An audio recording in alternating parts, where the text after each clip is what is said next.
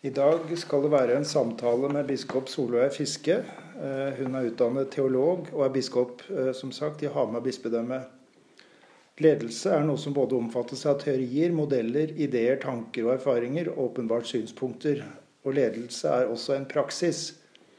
Dessuten utøves ledelse alltid i en spesiell kontekst, en sektor, bransje, etat eller innenfor en kulturell ramme.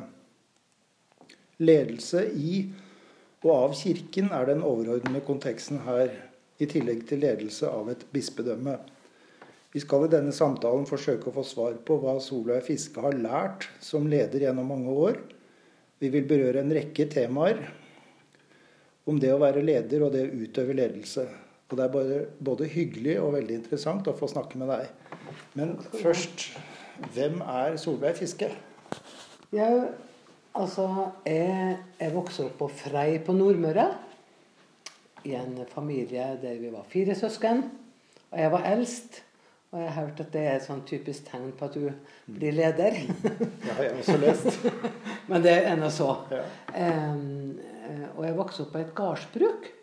Og lærte veldig tidlig at arbeid var en viktig verdi. Mm. Det å kunne jeg være med å yte. Mm. Eh, jeg skal ikke si at jeg vokste opp i en pliktkultur. Nei. I hvert fall ikke bare det. Men jeg vokste opp med at eh, eh alle hendene og føttene på gardsbruket eh, betydde noe ja. inn i det daglige. Og det var også slik i min oppvekst, eh, ikke minst fordi at far min ble sjuk da jeg bare var ja, 10-11 år. Eh, så fikk han en eh, hjertelidelse mm. eh, som gjorde at eh, familiens liv ble eh, forholdsvis endra. Eh, og jeg tenker det har også vært med å prege hvem alle vi søsken er blitt. Mm. Det er bakgrunnen. Ja, fra, hva med interesser og skolegang og utdanning? Ja, og da, når jeg, da jeg bodde på Frei, så var jeg med i korpset. Og det var jo helt vanlig at vi alle var med på ulike idrettsaktiviteter. Eh, det, det hører med til dagliglivet. Det å slå ball og være best mulig på 60-meteren mm. og og du var rask, tenker jeg? Nei, jeg var spesielt rask. Ja, jeg var ikke av den verste. Men, eh, men det, dette helt, dette helt eh, Eh, som var på en måte helt vanlig ja. å drive med. Ja. Det var jo slik at vi hadde sånn utstyr som vi drev med hjemme. Vi gjorde ikke det bare på skolen eller sånn. Nei. Nei. Og så vil jeg si at, eh, at eh, Jeg tror at noe av det som har prega meg veldig mye, er at det året jeg var konfirmant, så skjedde ei alvorlig trafikkulykke i den bygda jeg er fra. Og der eh, en av naboguttene døde. Okay. Og det var, det var, at vi var flere som ble påkjørt, rett og slett. Mm. Um, og jeg, jeg, tror jeg vil si at jeg gikk fra å være en ganske trygg og glad ungdom til å bli puslete. Ja vel. Ja, jeg tror jeg vil si det. Altså, for jeg Etterpå så var det slik at jeg var redd for å bli påkjørt når jeg gikk til skolebussen. Eh, og så var jeg så heldig at vi hadde en konfirmantprest mm. som eh, var klok, og som laga det rommet der det gikk an å være med hele C. Ja. Og jeg syns at han var bare så rågod med ungdommer. Og jeg tror at langt bak i bevisstheten så begynte da tenker jeg at jeg har også lyst til å bli en slik god konfirmantprest. Ja. ja.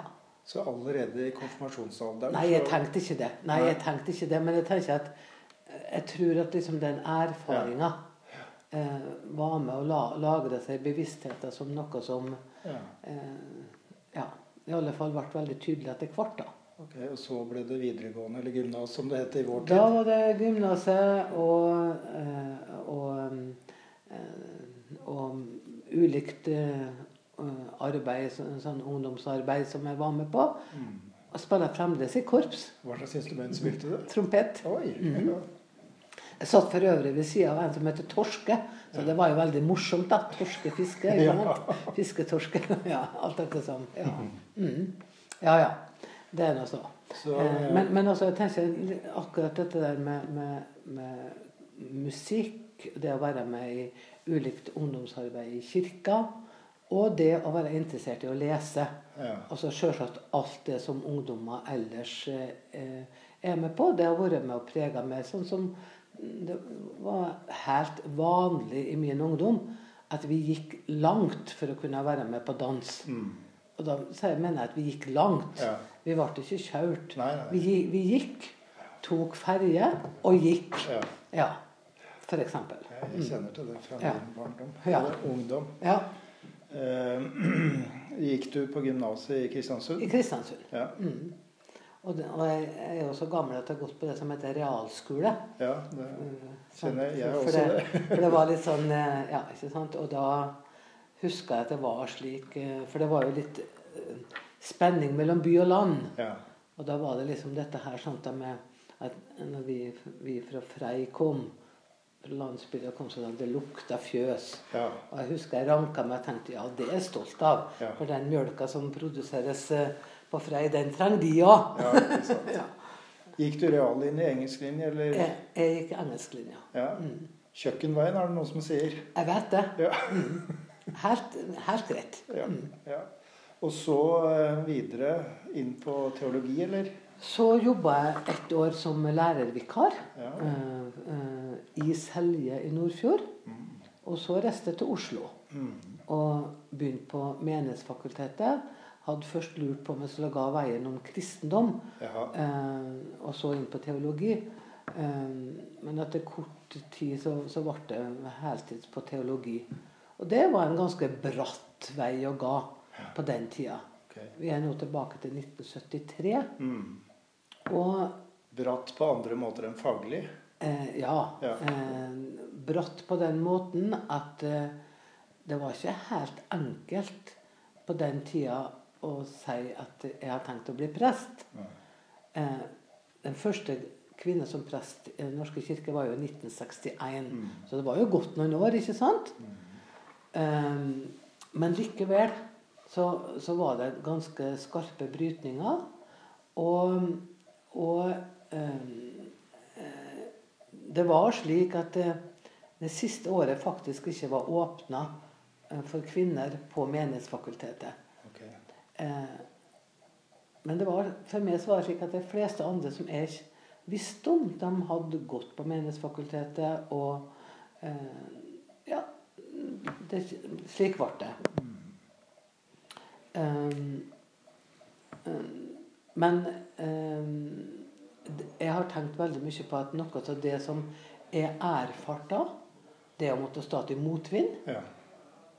eh, det å være med å starte kvinnegruppe, eh, det er helt sjølsagt eh, stå for det en sto for. Eh, jeg tenker at det har også blitt en ressurs. Ja. Ikke minst også det å kunne være i samme rom som dem en er uenig med. ja. Jeg sier ikke at det var lett. Jeg sier at det faktisk var krevende. Mm. Eh, men det har likevel gitt en kompetanse Ja. eh, som har, har vært viktig for meg. Du begynte som prest i, i Hamar bispedømme, har jeg forstått? Ja, eh, da jeg begynte å arbeide eh, etter eh, å være ferdig utdanna, så jobba jeg først ei kortere tid i Kirkerådet okay. i Oslo. Og arbeidet som eh, eh, likestillingsrådgiver. Ja. Ja. Eh, Så eh, Jeg tror faktisk stillinga het kvinnekonsulent. Oh, ja. Ja, eh, men det var arbeid med likestilling. Ja. Ja. Eh, Så søkte ulike stillinger og kom til Elverum sammen med mannen min. Og det var en fantastisk opplevelse. Men jeg måtte venne meg i å ikke lenger gå i motvind, men gå i medvind. Ja, topp. Eh, For det første, en biskop som var vidåpen for kvinners prestetjeneste, Han hadde jo en gang eh, i 1975, som jeg til og med hadde reist og vært med og, og, og opplevd Han ordinerte tre kvinner på én gang her i Hamar domkirke. Um, og denne åpenheten som jeg møtte uh, når jeg kom til folkekirka uh, i Hamar bispedømme, og da for min del i Elverum, og østbygdene i Elverum, det var liksom Det var bare helt fint. Ja. Mm. Jeg, og jeg måtte øve meg i å ikke tenke at det sto i motvind, men i medvind. Selv om det var veldig kaldt, da.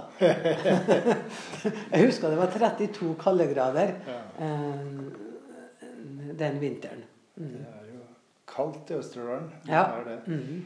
Du ble biskop i 2006 og starta i stillingen i desember, har jeg lest meg til. Ja. Eh, hvordan var overgangen fra å være prest til å være, bli biskop?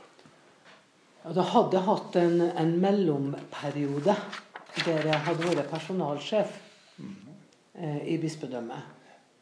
Eh, og når en er personalsjef, så er en jo opptatt av eh, å eh, gjøre yrkeslivet eh, best mulig for eh, de som er tilsatte. Og jeg tenker at for meg var det en veldig god eh, ressurs å ha med seg inn i det å bli biskop. Jeg husker første gangen jeg var på eh, møte for prestene, da jeg var blitt personalsjef. Og det gikk opp for meg at Nei, Solveig, du kan ikke gå inn på fagforeningsmøte. Det var litt som en sånn Mm. Oi, kan jeg ikke gå inn på fagforeningsmøte? Nei, jeg bør ikke det, nei. Eh, Det var en sånn, eh, sånn eh, Fordi du hadde en annen rolle? For jeg hadde en annen rolle, ikke sant? ja. Og, eh, og det, det var jo helt naturlig. Jeg husker jeg var på vei inn den døra der det møtet skulle være, skulle være og så rygga jeg ut igjen og tenkte Nei, du skal faktisk ikke inn der nå. Nei. Nei. Vi må få litt grep om hva, hva Kirken er som kontekst for lederskapet ditt. Men, men også litt hva, hva er en biskop, og hva gjør en biskop? Ja, Da tror jeg først jeg skal si at en biskop er en eh, kirkelig leder. Og selve ordet biskop kommer fra gresk episkopé, som betyr å se til. Og biskop er en som skal se til. Og så Du kan altså da sammenligne det med tilsyn generelt i samfunnet. Eh, med de oppgavene som ligger til tilsynet. Eh, men for en biskop så er ikke hovedvekta på kontroll og det å skrive eh, eh, at det er godkjent, hadde jeg nær sagt. Eh, sånn som med Mattilsynet. Men det er eh, mellom annet å, å inspirere eh, og, og det å se til eh, den kirkelige virksomheten i sin alminnelighet. At den er slik at den tjener folket til gode. Okay. Eh, og så er, det- og så er det slik at jeg, jeg leder jo prestetjenesten i bispedømmet. Og så har jeg tilsyn med all kirkelig virksomhet, Nettopp. uavhengig av om jeg er arbeidsgiver eh, for eh, deg eller ikke. Okay. Og tilsynet, det, det, er jo da, da, det handler jo da om å se til at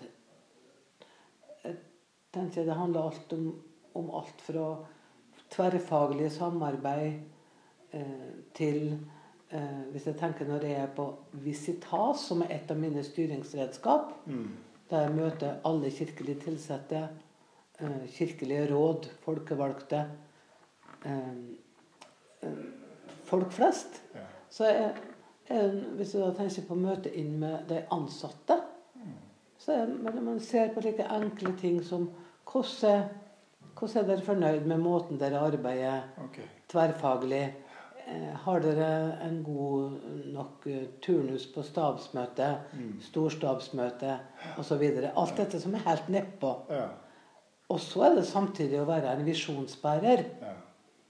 Eh, der en også løfta fram Kirka sine visjoner. Eh, så det er liksom både dette å være en leder som har handa på rattet administrativt og inn mot det, det praktiske, mm. men også samtidig være en visjonsbærer. Ja. Men du jobber også med virksomhetsplaner og budsjetter og, ja og lever under mål og resultatstyring? Eh, det har vi gjort. Ja. Eh, og da er det, er det slik at det er en stiftsdirektør som har ansvaret på bispedømmenivå inn mot, eh, inn mot eh, styring av økonomien. Mm. Og så er det jo slik at Kirka har jo også en organisasjon som er slik at den er delt opp i at det er to ulike arbeidsgiverlinjer. Eh, per i dag så er biskopen og bispedømmerådet eh, arbeidsgiver for prestene og for de tilsatte på, på bispedømmenivå, altså det regionale nivået. Mm. Mens eh, det som heter kirkelig fellesråd, som er knytta til hver kommune, mm er arbeidsgiver for alle de andre og har en daglig leder som heter kirkeverget. Nettopp, sånn. Ja, mm. ja. Men, men, tilsynet er i berøring med alle. Mm. Hvis du skulle lage en form for, eller karakterisere Kirken som organisasjon, hva vil du peke på da?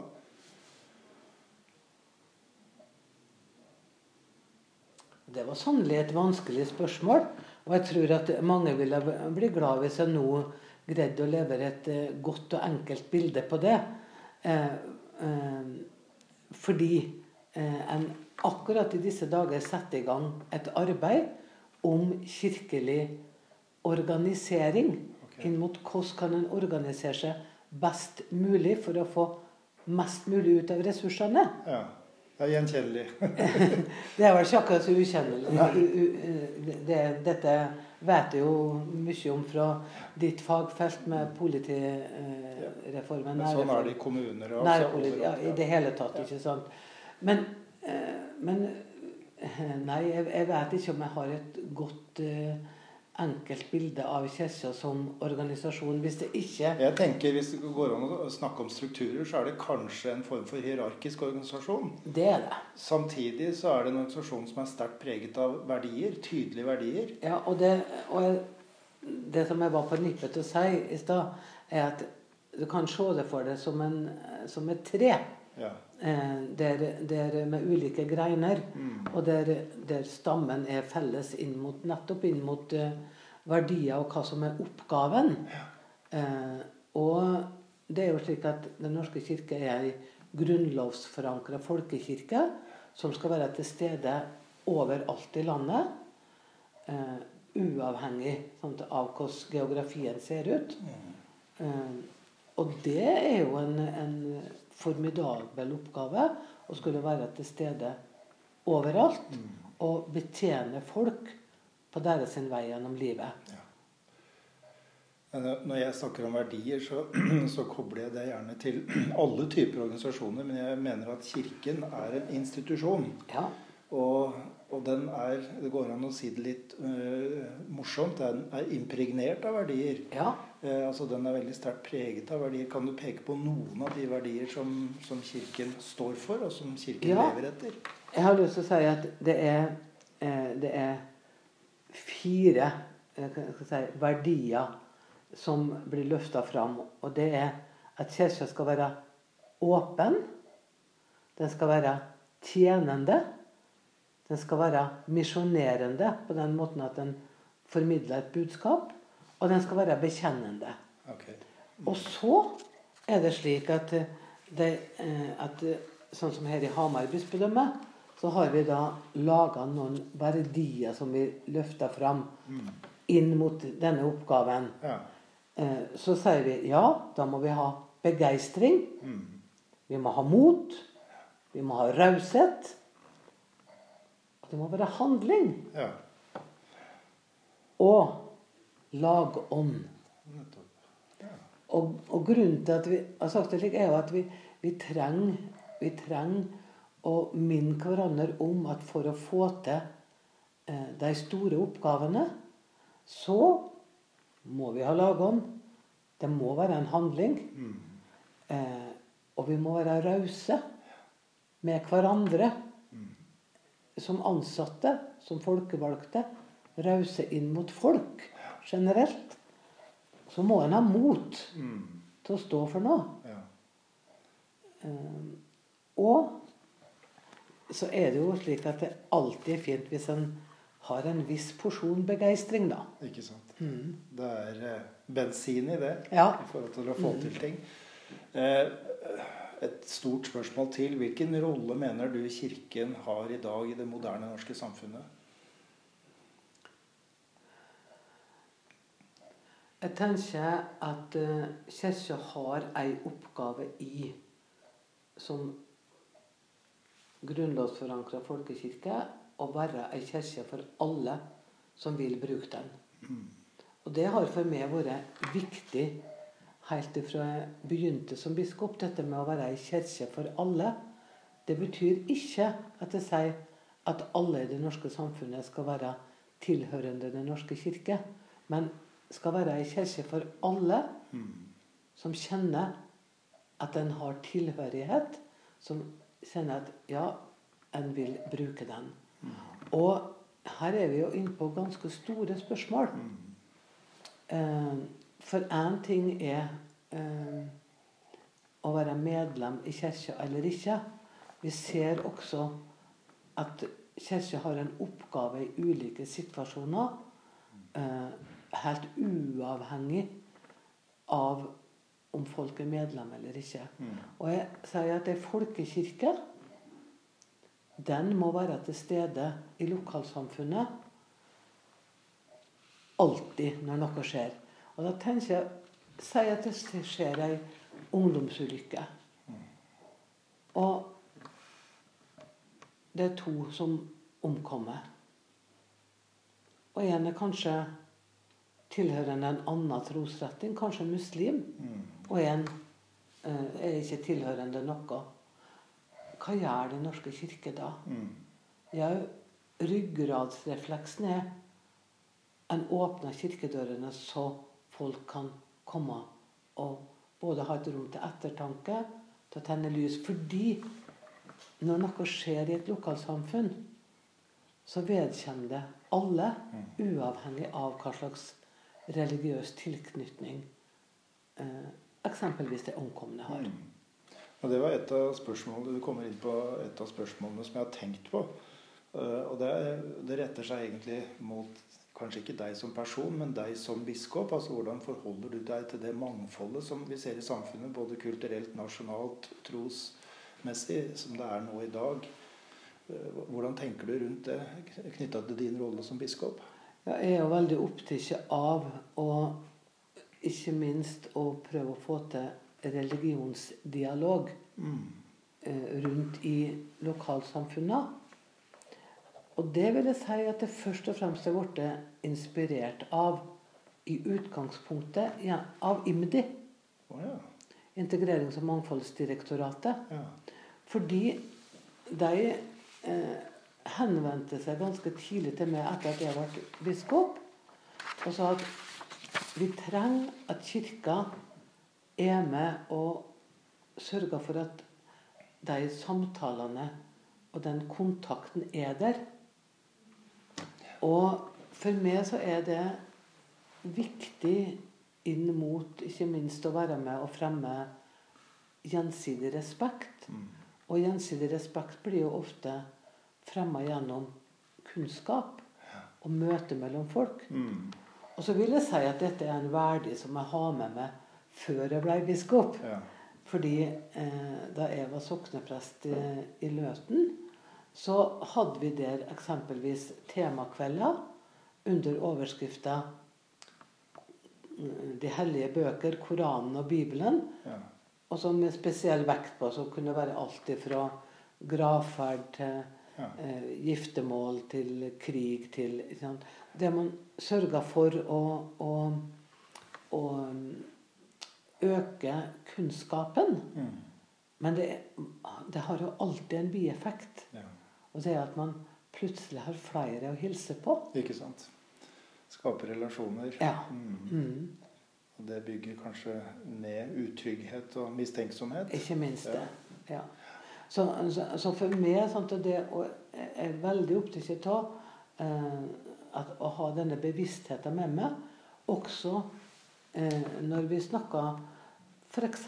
om samarbeid skole og kirke, at en har med seg eh, denne bevisstheten på at vi er et, et samfunn som er prega av at det er et kulturelt mangfold. Mm. Eh, og, og det er jo med og er som en berikelse, egentlig. Ja. Og det tenker jeg at dette egentlig, det trenger vi å øve oss på. Eh, eh, for, fordi at det er jo sånn at det, eh, det er fort gjort å, å eh, gjøre ensarta samfunn til, eh, til det som er det normale. Mm. Og det er det aldeles ikke. Og jeg syns jo det er så spennende å tenke på at i Hamar bispedømme, eh, med eh, de to fylkene som nå er blitt til ett, pluss to kommuner som hører til Viken, Ja. altså Jevnaker og Lunder, Mm. så opplever jeg, som da er rundt, at det er altså så utrolig mange nasjonaliteter som bor i store og små kommuner.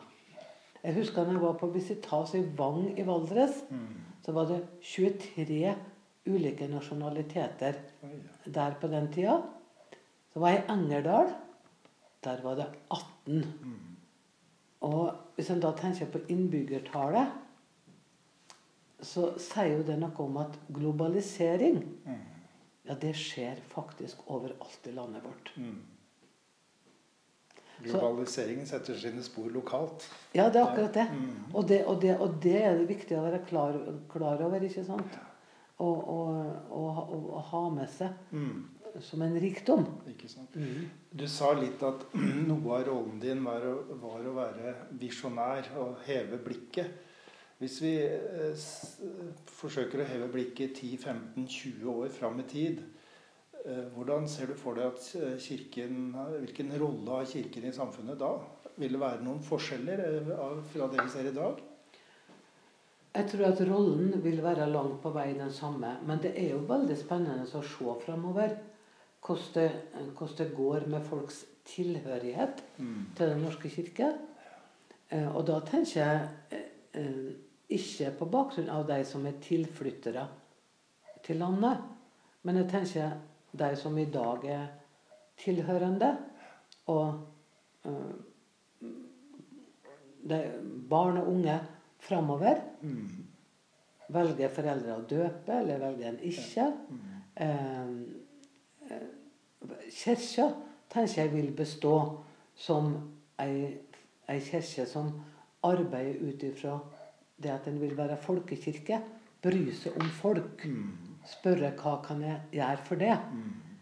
Eh, eh, men det å være For meg i dag også å se framover 20 år og så si jeg tror at i 2040 Mm. eh, så vil eh, så og så stor andel av befolkninga være medlemmer i Den norske kirke. Det tør jeg ikke ta på meg. Men, det, men på den veien fram mot 2040 så vil det jo skje noe spesielt. Og det er at i 2030 så vil en jo markere tusenårsjubileet for at Norge ble et kristent land med kristenretten Mm. med mer. Mm. Og disse åra som ligger framover nå, vil jo være prega av den veien fram dit. F.eks. her i bispedømmet så vil en i, i 2021 markerer på Dalegudbrand i Sør-Fron eh, inn mot eh, historia knytta til Dalegudbrand og religionsmøte. Eller for den del religionsskifte. Mm. Eh, og allerede i inneværende år så skal det være noe som heter Olavsseminaret på Granavolden. Okay. Der en vil ha fokus på var det slik at hellig Olav eh, var det slik at det hadde skjedd noe med han religiøst, eller var det ikke? Okay, ja. altså, eh, så det vil være mange eh, tema framover som, som, er i berøring med det du spør om, ja. og som på ulike måter eh, også vil berøre eh, hva skjer med et menneske som kjenner at religion utgjør en forandring. Mm. Eller en bevegelse i en bestemt retning. Mm. Eh, og jeg tror at det vil være ganske mange samtaler framover om nettopp akkurat det. Kanskje det skjer en bevisstgjøring knytta til Kirkens rolle og menneskers forhold til kirke? Kanskje. Mm. En styrking, jeg vet ikke. Nei. Litt mer inn på din rolle som biskop og som, eh, som leder. Og rolle er jo på en måte et, et, et stikkord. Og jeg tenker at eh, rollen som biskop, den har mange underroller. Eh, kan du peke på noen? Ja, jeg var jo så vidt inne på dette med, med eh, å lede ved å være administrator. Ja. Og lede eh, ved å være visjonsbærer. Mm. Og eh, jeg er nok til dem som liker godt å ha handa på rattet. Ja. Men jeg er samtidig veldig bevisst at eh, jeg skal ikke ha handa på rattet på den måten at jeg ikke har tid til å være leder. Eh, og dette er jo hele tida en, eh, en bevegelse. Eh, og jeg kjenner nok at jeg leder, er med og leder tydelig når jeg er ute på visitas. Altså bruker det redskapet Ja. som visitasen er. Det er jo ett av de redskapene jeg har fått som biskop. Ja. Så et annet redskap det er å sitte i bispemøte. Mm. Eh, og være sammen med de andre biskopene. Være et bispemøte som da er med og gir uttalelser Mm. og gir retning. Mm. Og så sitter jeg jo i Kirkemøtet, som er det øverste eh, demokratiske organet i Den norske kirke. eh, Som er et stort, eh, stort møte, kirkemøte, Mm. som er avholdt årlig. Og jeg tenker at inn i alle disse sammenhengene så utøves rollen på litt ulik vis. Mm. Altså vil jeg si at noe av det som jeg liker aller best i det daglige, det er jo dette med samvirke Mm. og samhandling med andre. Mm. Sånn som eksempelvis i bokåret som vi nå har bak oss. Det å samhandle med andre offentlige institusjoner om å lage ei bokuke Mm. Der en setter fokus på, på boka på ulike sider, det syns jeg er en måte å utøve rollen på. Ja. Altså det jeg, jeg har tenkt på forhånd at det går sikkert an å dele inn de rollene du har, på noen interne roller og noen Ja. eksterne Ja, roller. og det, og det er jo det du hører jeg begynner å snakke om. Ikke sant? Ja. Eh, Jeg har bare lyst til å skyte inn at um, i en forelesning du holdt om, om ditt lederskap på Mhm. Politihøgskolen for noen år siden, så sa du bl.a. at når du har på deg liturgiske klær, altså eh, hva skal vi si, uniformen til biskopen, Ja. så er du mer enn Solveig Fiske. Mm. Du representerer noe mer enn deg selv, sa du. Det gjorde veldig inntrykk på meg. Jeg syns det var et veldig eh, sterkt og godt og tankevekkende bilde, og det ble brukt i etterkant eh, eh, til å diskutere og snakke omkring. fordi at politimennesker har jo også uniform i utøvelsen av yrket sitt. Mhm. Og det skapte en bevissthet knytta til det. Eh, Så, så eh, har jeg lyst til å vise til boken 'Om ledelse makt og tillit til moderne organisering' av Tian Sørhaug. På forsiden av den boka så har han en illustrasjon som er av, eh, av Ludvig den 14. Ja. Først så er det altså det er tre bilder, eller tre tegninger. Det ene er eh, eh, kongen, altså figuren. Da er det bare klærne som står der. Og så er det Ludvig. Og den siste er kong Ludvig. Altså kombinasjonen av posisjonen og personen. Mm. Eh, hvordan er kombinasjonen mellom personen Solveig Fiske og biskopen Solveig Fiske? Jeg tror at eh, til daglig så tror jeg etter hvert at eh, eh, det har smelta forholdsvis godt sammen. Eh, I den forstand at jeg eh, er i det daglige veldig bevisst det, eh, det ansvaret jeg har. Og jeg, jeg veit at jeg er særskilt opptatt av dette med hva slags uh, ytre tegn jeg har på meg til ulik tid. Mm. Eh, eksempelvis hvis eh, en medarbeider er innkalt eh, til samtale her, og det er noe som omhandler den vanskelige samtalen, Mm. så vil det være svært sjelden at jeg stiller i eh, bispeskjorte og kors. Mm. For jeg tenker at den autoriteten er så tydelig eh, allerede Mm. ved å være innkalt Ja. til samtaler med biskopen. At jeg trenger ikke den ytre understrekinga. Ser jeg hen til mine svenske kolleger, så vil jeg de synes at det er veldig rart. Men de, de bruker um, bispeskjorte um, og, og det store korset mye mer i det daglige. Um, og det kan du si, eh, også si at ja, det er kanskje det er et, et gode, for da vil jo folk eh, alltid vite hvem du er ute. Mm. Mm.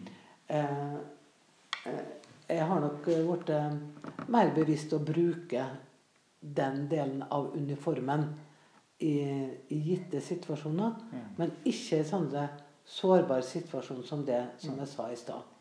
Altså hvis en er innkalt. Ehm, og så vil jeg nok si at det eh, har med meg en følsomhet inn mot det å være oppmerksom på eh, eh, hva det betyr at akkurat jeg sier noe inn i gitte situasjoner. Mm. Fordi at det, det er nødvendigvis faktisk ikke akkurat det du sier, men at nettopp du sa det. Ja. Som gjør at det kan få en helt annen valør. Mm. Eh, og det å ha eh, autoritet, myndighet, gjør at ting du også kan si er kanskje litt ubeskytta Mm. i et litt uoppmerksomt øyeblikk, eh, kan bli tillagt en vekt som du ikke har tenkt på engang. Mm. Og som faktisk også kan oppleves som eh,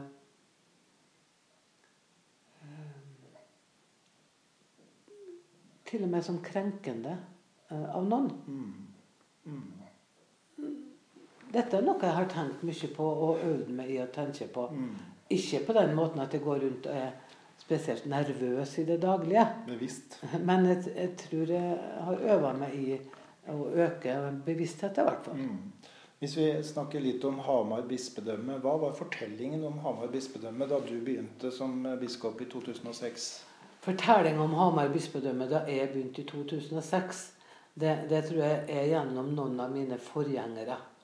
Og hvis vi da går tilbake til Kristian Schjelderup, som var biskop da Norges første kvinne som prest ble ordinert, eh, Ingrid Bjerkaas, så var det jo det at ja, han samarbeidet med den som hadde nøkkelen til eh, Vang kirke. Jaha. Og der ble ordinasjonen. Han visste at der ville det bli minst eh, gnisninger. Og denne, dette motet og tydeligheten. Mm. Eh, og så har det jo det stått som en, et, et forbilde og som en slags tradisjon eh, gjennom de som kom etterpå. Og for meg var det jo to av dem som er kjent. Det var jo Georg Hille, som var biskop her da jeg begynte, og som jeg opplevde eh, var fri og tydelig og trygg i rollen. Mm.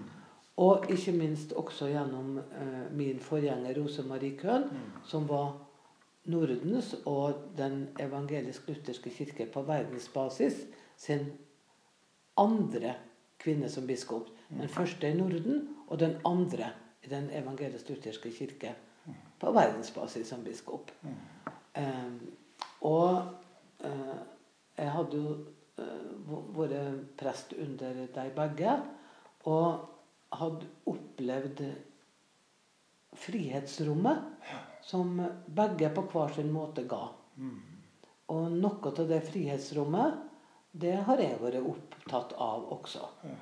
Eh, hva, hva, vil du si er fortellingen om Hamar bispedømme i dag, altså i 2020, når du har vært biskop i snart 15 år?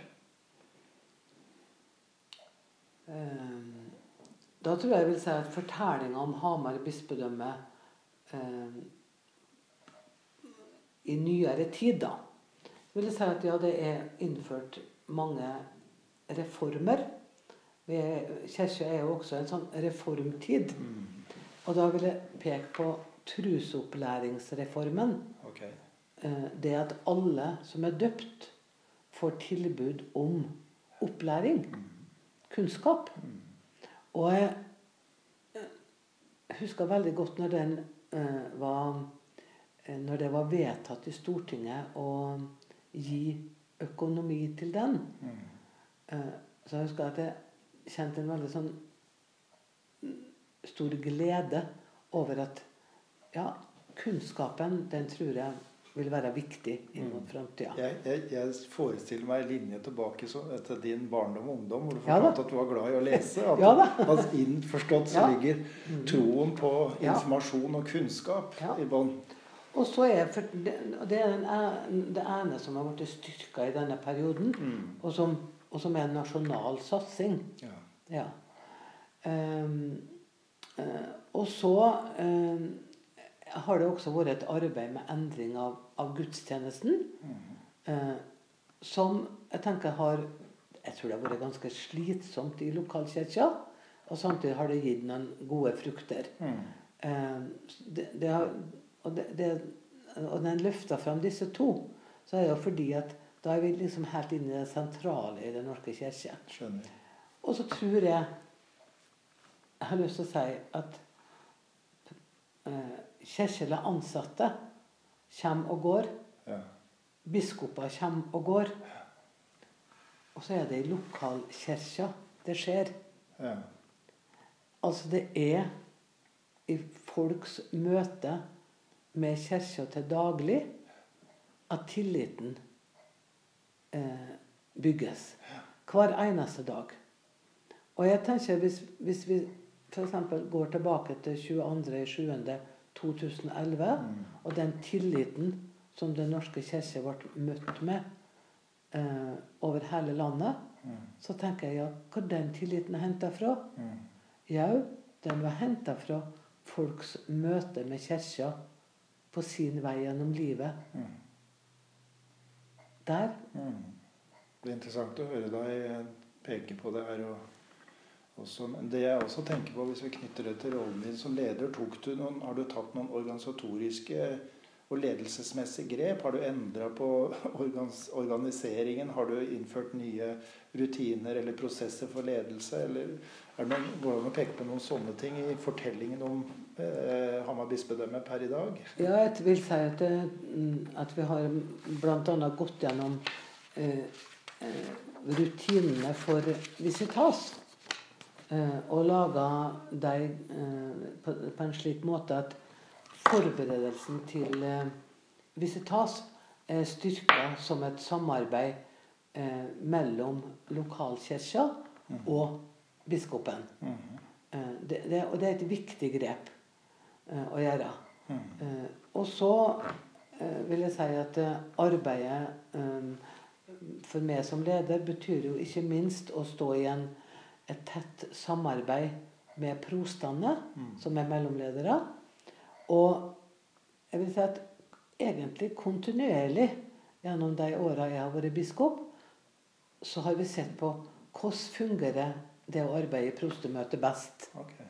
Ja. Er det sånn at det, det, er, at det, er, mange saker som står på dagsordenen, eller er det slik at vi heller bør ha noen arbeidsbolker? Mm. Eh, og dette er eh, dette har vi gått litt ut og inn av måter å arbeide på. Og så eh, har jeg lyst til å løfte fram betydninga av eh, at en i bispedømmet har et godt samarbeid mellom bispedømmet og kirkelig fellesrådsnivå, altså eh, det som er på kommunene, gjennom at en har eh, eh, flere kontaktmøter gjennom året med eh, det som da heter Kirkevergelaget. Og vi har årlig et seminar som heter 'Sammen om å lede'. Eh, der en tar fram ulike tema eh, som handler om det vi står i i det daglige. Og i den perioden jeg har vært biskop, så dette, har dette utvikla seg til å stå sterkt som en tradisjon. At dette er ikke noe vi bare gjør av og til, men vi gjør det hvert år. Og jeg har veldig sånn tru på det. At det å være utholdende i det en tror på, Ja. det vil jeg si preger oss. Ja. Gå litt over til eh, på å si, fenomenet, begrepet ledelse og utøvelsen av det. Det er jo et begrep som inneholder eh, veldig mye. Og teoretisk sett så er det flere hundre definisjoner av det. Eh, og alle eh, mener jo mye om ledelse og ledere og er på en måte selvoppnevnte eksperter. Eh, hvordan forstår du ledelse generelt sett?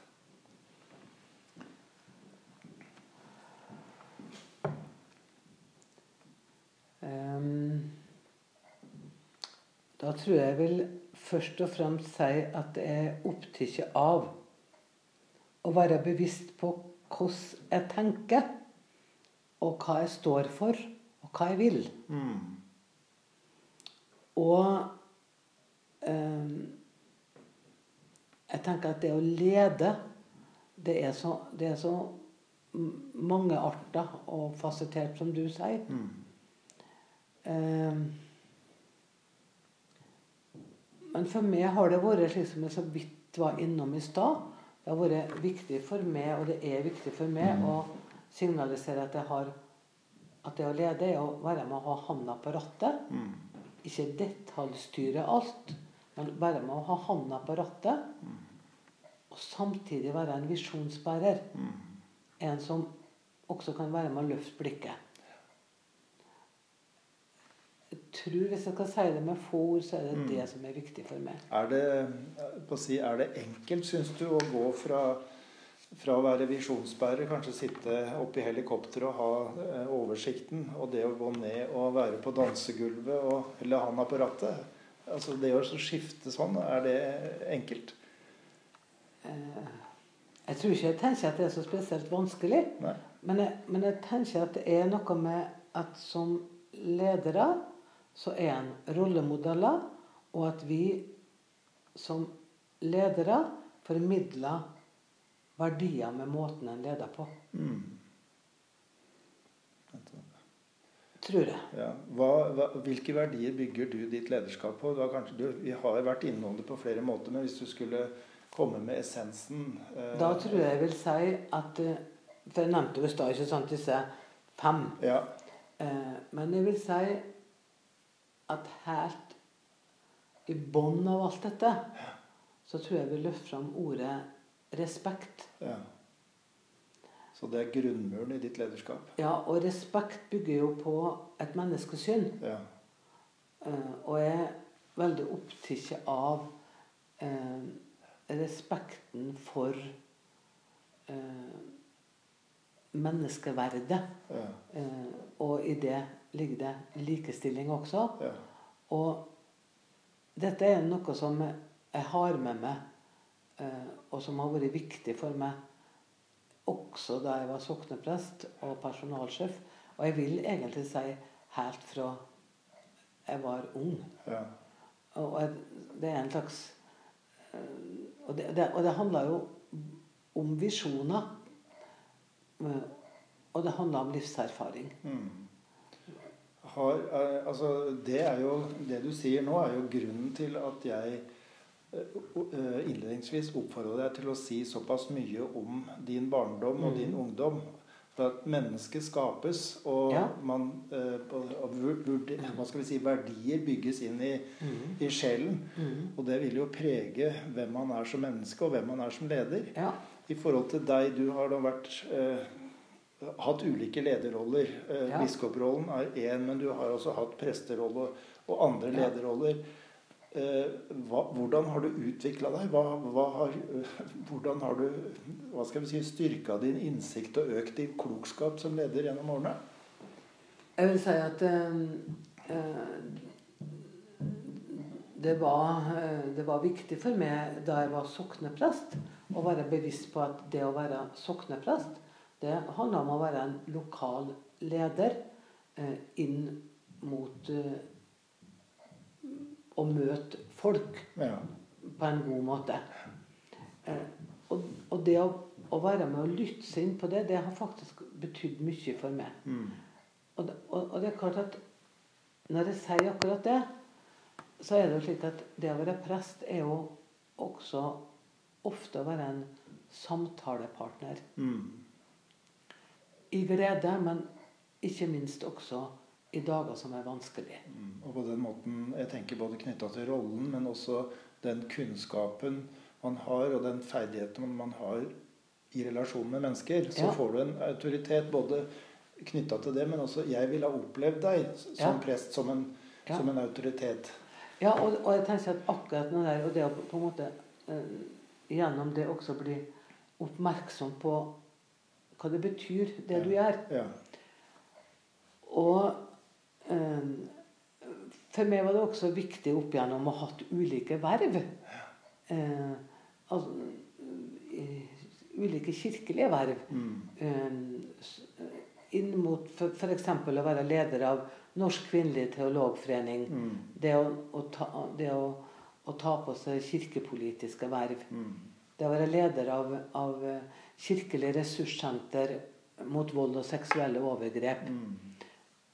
Det å, det å påta seg slike oppgaver er jo også med å utvide jeg vil si, perspektivet Mm. på hvordan livet er. Ja. Eh, og det har også vært med å utvide eh, kompetansen på eh, hvordan kan en håndtere ulike situasjoner. Hadde du vært musiker, så ville jeg prøvd meg å si at repertoaret ditt hadde, eh, har blitt eh, økt, utvida gjennom årene. Ja, det har det blitt. Og hadde du vært i bil, eh, leder for et bilverksted, så hadde jeg sagt at verktøykassa hadde Ja. blitt mer innholdsrik. Men så blir jeg også veldig opptatt av når, når du spør meg om dette, så tenker jeg ja, men det betyr jo ikke at alt har vært perfekt. Nei, nei, nei. Det, det har også vært feilsteg og tabber. Mm. Og jeg tenker det hører også med inn i et lederskap. Mm. Og jeg er opptatt av at ja, og da må man kunne be om unnskyldning for det. Mm. Men hvis den situasjonen oppstår for ofte, Mm. så må man ta en eh, status på hva er det jeg driver med. Ja. For én ting er at det kan skje en og annen gangen, men hvis det blir en jevnlig praksis som en må ha, så tror jeg en må ta et oppgjør med seg sjøl. ja, det er et tydelig signal. det. Ja. Du var inne på noe i stad, at, du, eh, at du likte å lede i samspill. Eh, og lederskap er jo noe som Altså det er både noe du lederen gjør alene, men som oftest så, så skjer lederskap i samspill med ei ledergruppe og med de menneskene man har i sin organisasjon. Hvor viktig er din ledergruppe for deg og ditt lederskap? For meg er det slik at eh, det som er ledergruppa her på huset, ledermøte, eh, og som ledes av eh, møtet ledes av stiftsdirektøren, eh, det er, viktig, et viktig møte for meg. Og det skal mye til for at jeg ikke er der. For da møter jeg hver mandag. Det skal mye til for at jeg ikke er der. Men jeg har også lyst til å si at for meg så er det også viktig de faste møtene med tjenestemannsorganisasjonene. Det skal mye til for at jeg ikke er med på de møtene. Og likedan det som er nevnt så vidt i stad, faste møter med kirkevergene. De som leder det daglige eh, på kommunalt nivå. Det skal mye til for at jeg ikke er med på de møtene. Og hvorfor det? Jo, fordi jeg tenker at den tilliten oss imellom, den bygges gjennom at vi holder den kommunikasjonen åpen ved at vi møtes, at vi kan, eh, vi kan være enig, uenig, Mm. men se hverandre i øynene og holde den kommunikasjonen åpen. Og sørge for at det blir minst mulig kommunikasjonsstøy. Ja. Eh, Det er viktig for meg. ja, jeg skjønner. Veldig, veldig interessant. Og så, og så tenker jeg at i den forbindelse eh, så er det jo også slik sant, at i ulike situasjoner, uten å tenke akkurat på de, mø- møter nå, men det kan være andre situasjoner en står i, så har jeg tenkt mye på at det er viktig å øve seg i å være vennlig og imøtekommende, men tydelig. Ja. Men også øve seg i å ikke snakke med hele kroppen. Mm. For jeg tenker En ting er hva du sier med munnen din. Ja. Hvis eh, du med kroppen gir et annet budskap, Mm. så er det veldig ubehagelig. Og så vil jeg si at jeg øver meg stadig på å ikke være den som eh, signaliserer å ha det travelt. Okay. Men jeg tenker at som leder det å være til stede, og ikke være den som kommer sist og går først fra alle Mm. møter. Mm. Jeg tenker jeg også er et ganske viktig lederatferd. Mm. Vil du si at eh, lederskap eh, i kirken er en form for kritisk ressurs?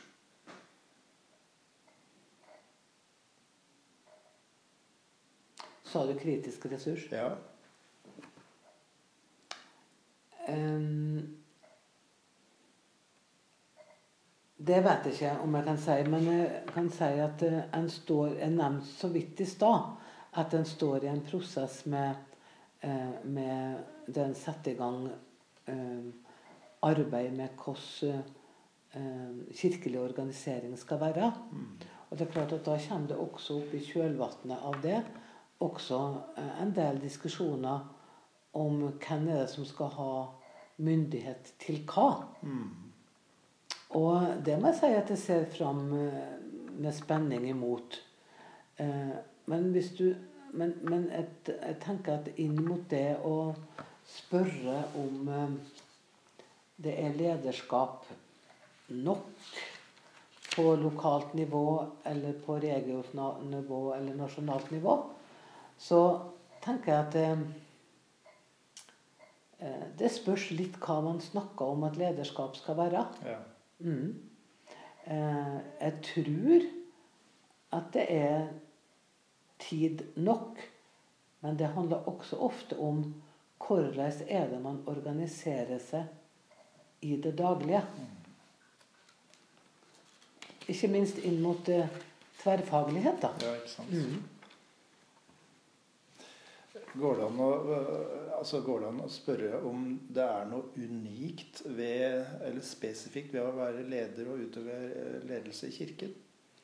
Jeg tenker at det at den representerer både eh, en institusjon som utøver eh, ulike tjenester, og samtidig så representerer en kristen tro og tradisjon, Mm. eh, det er jo spesielt. Ja. Og i ulike situasjoner så blir jo det veldig tydelig. Eksempelvis når det i høst eh, kom opp denne diskusjonen om konverter. Og jeg har jo opplevd i høst og fått utallige spørsmål om, eh, om hva jeg tenker om dette. Ja. Om konverteringsterapi. Når jeg f.eks. har vært på skolebesøk. Mm. Og jeg har vært veldig tydelig på at dette er imot. dette, ikke sant? Men, men det, det er en stadig kommunikasjonsutfordring. ja. Ja. Mm. Jeg skjønner. Eh, Du har vært inne på hvordan du balanserer administrasjon og ledelse ved ved det å være kirkelig leder i ditt lederskap. Det har vært interessant. Eh, Tror du rollen som biskop vil eh, endre seg eh, på vesentlige punkter i årene som kommer? Det, det kan den gjøre. Sett i lys av eh, det arbeidet som nå er satt i gang med kirkelig organisering, så kan det tenkes at en, eh, eh, en vil endre på at eh, biskopen er arbeidsgiver for prestene. Mm. Dette vet jeg ikke, Nei. men det, det kan skje. Mm. Men hvis du tenker i offentligheten, så tror jeg at prest, prestene, hører du, biskopen fremdeles vil bli oppfatta som symbolbærer og som kirkelig leder. Ja. Og, og, og, tydelig som, på akkurat det. Mm. Det er en diskusjon uh, i, uh, både i praksis og i teorien om Eh, hvis du er en god leder, så kan du lede alt, eller om du må ha kunnskap om på å si, virksomheten. Går det an å tenke seg at en biskop kunne ha annen bakgrunn enn å være utdannet prest og hatt virke i kirken? Kunne vært en sosionom eller en økonom? Kunne vært en politimann, kvinne? Eh, da tror jeg jeg må begynne i en litt annen ende. Ja. Eh, det er jo slik at vi faktisk eh, har noen prester som eh, ikke er teologer, men som har blitt godkjent til å være prester gjennom alternativ vei. Mm -hmm. Jeg tror nok at veien fram til å se for seg at en, eh, en som eh, biskop ikke var eh, var utdanna innenfor det teologfaglige, mm. den veien er nok et stykke igjen å gå, vil jeg tro. Det er ikke sikkert det er ønskelig heller. Og det er ikke sikkert, nei, akkurat det jeg skulle til å si. Eh, men, men, det som jeg har lyst til å si og peke på, er at disse som er kommet inn som såkalt second career-personer, mm. Eh, og som har en annen faglig bakgrunn, de oppfatter jeg som gode ressurser, og som er med å bringe inn andre perspektiv inn i det kirkelige arbeidet. Mm. Og som rett og slett er en Jeg er glad for, for det. Mm. Og så, i det øyeblikket jeg har sagt det, vil jeg samtidig si at det å ha den kompetansen som det gir å gå gjennom et langt teologistudium, det trenger Kirka. For det er noe helt spesielt som det gir. Og det er nemlig en ydmykhet inn mot at det ikke er så sjølsagt hvordan man tolker en tekst. Mm. Og det, den dannelsen som det gir, er også umistelig. Mm. Hva vil du si er eh, karakteristisk for en god biskop, hvis det går an å stille et sånt spørsmål?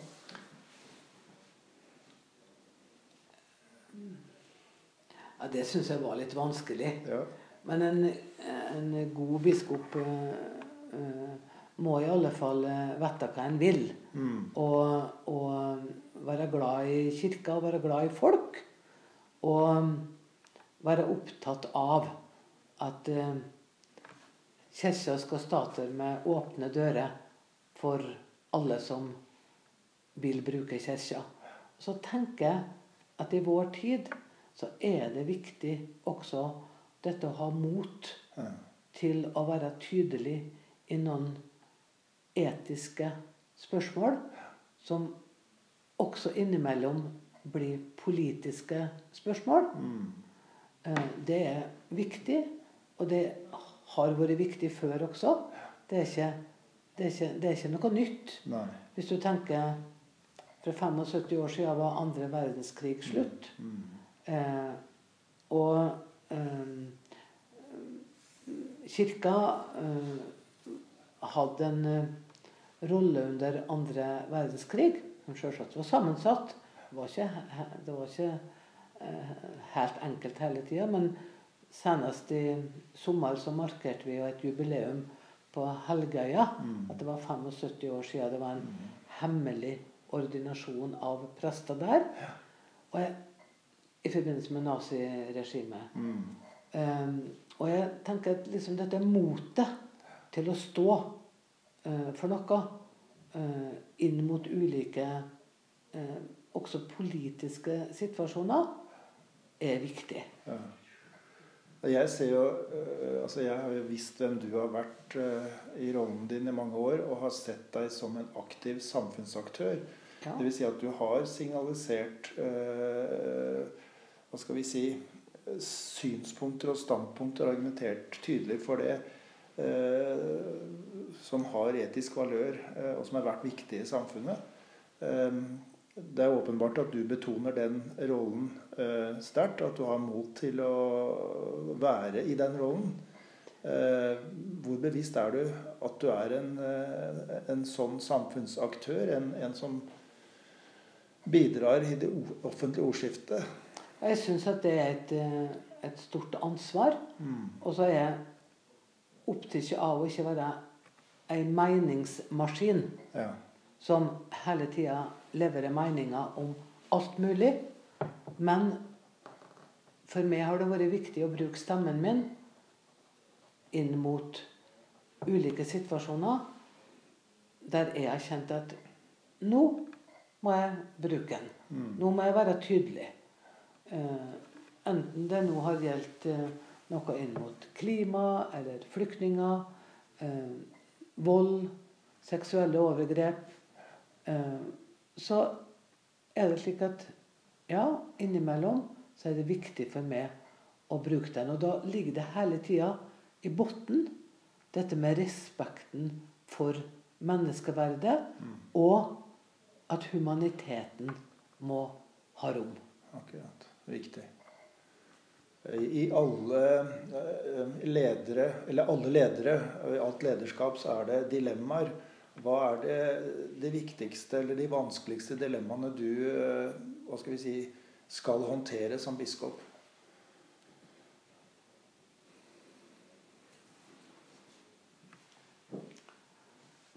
Um, jeg vet ikke om jeg kan utdype akkurat hva som er det vanskeligste. Men jeg vil si at det, eh, at det med jevne mellomrom tar en vurdering av er dette noe jeg skal eh, ta fatt i eller ikke. Mm. Og av og til så ser jeg at det er eh, kan være en praksis et sted, eller noe um, av en viss eh, som, som, kan mangle noen kvaliteter. Men som jeg tenker at ja, men eh, dette er så godt som en kan få det til nå. Mm. Og som jeg da eh, lar være å, å, ta tak i på den måten at det tar det opp som noe kritikkverdig. Mm. Men eh, prøver heller å, å, å bidra til eh, å styrke eh, en praksis. Ja. ja. Um, jeg syns dette var et litt vanskelig spørsmål. Ja, det er spørsmål. et vanskelig spørsmål. Det er åpenbart, det. Um, men vi kan uh, men, det, men, men, dette med, med, med, med, dilemma, ikke sant Altså uh, Jeg tenker at som leder så vil jeg jevnlig måtte avveie hva en tar fingrene borti eller ikke. Mm. Og da vil jeg si at jeg lar aldri være å ta fingrene borti det som jeg tenker at det er viktig at jeg tar fingrene borti. Mm. Altså det som er problematisk, eh, det som er kritikkverdig, det ser jeg ikke gjennom fingrene med. Eh, og så kan det være andre ting som er mer sånn at en tenker at ja, av og til får godt nok være godt nok. Mm. Mm. To spørsmål til før vi avslutter. Ja. Uh, uh, hva har du vokst på, og hva har du lært i rollen som biskop? Jeg har vokst på at det har um, i noen perioder storma kraftig. Mm. Såpass kraftig at jeg har kjent at uh, gråten har vært nær. Ja. Men jeg har erfart at det går over. Mm. Mm. Eh, og så har jeg lært at eh, det å buse godt inn mot ulike situasjoner er forstandig og gir overskudd. Mm. Og jeg har lært betydninga av eh, å forberede seg i god tid. Det, det gjør at eh, eh, at eh, jeg ikke blir utslitt. Mm. nå var det slik at Du spurte jo meg i går. Så det var en litt unormal situasjon at jeg bare sa ja, men vi kan ta det i morgen. Ja. Og jeg overhodet ikke kunne ha tida til å forberede meg. Natta er lang. ja. ja. Eh, hva vil du fortellingen om Hamar bispedømme skal være når du en gang eh, trer ut av rollen som biskop? Da håper jeg at det blir sagt at i Hamar bispedømme så er kirka for alle. Og det kommuniserer med det som er visjonen for Hamar bispedømme. Hellige rom for alminnelige liv. Da sier jeg tusen takk for et uh, veldig interessant uh, og tankevekkende intervju. Jeg vil ønske deg lykke til i rollen som biskop og en synlig samfunnsaktør. Tusen takk. Takk skal du ha.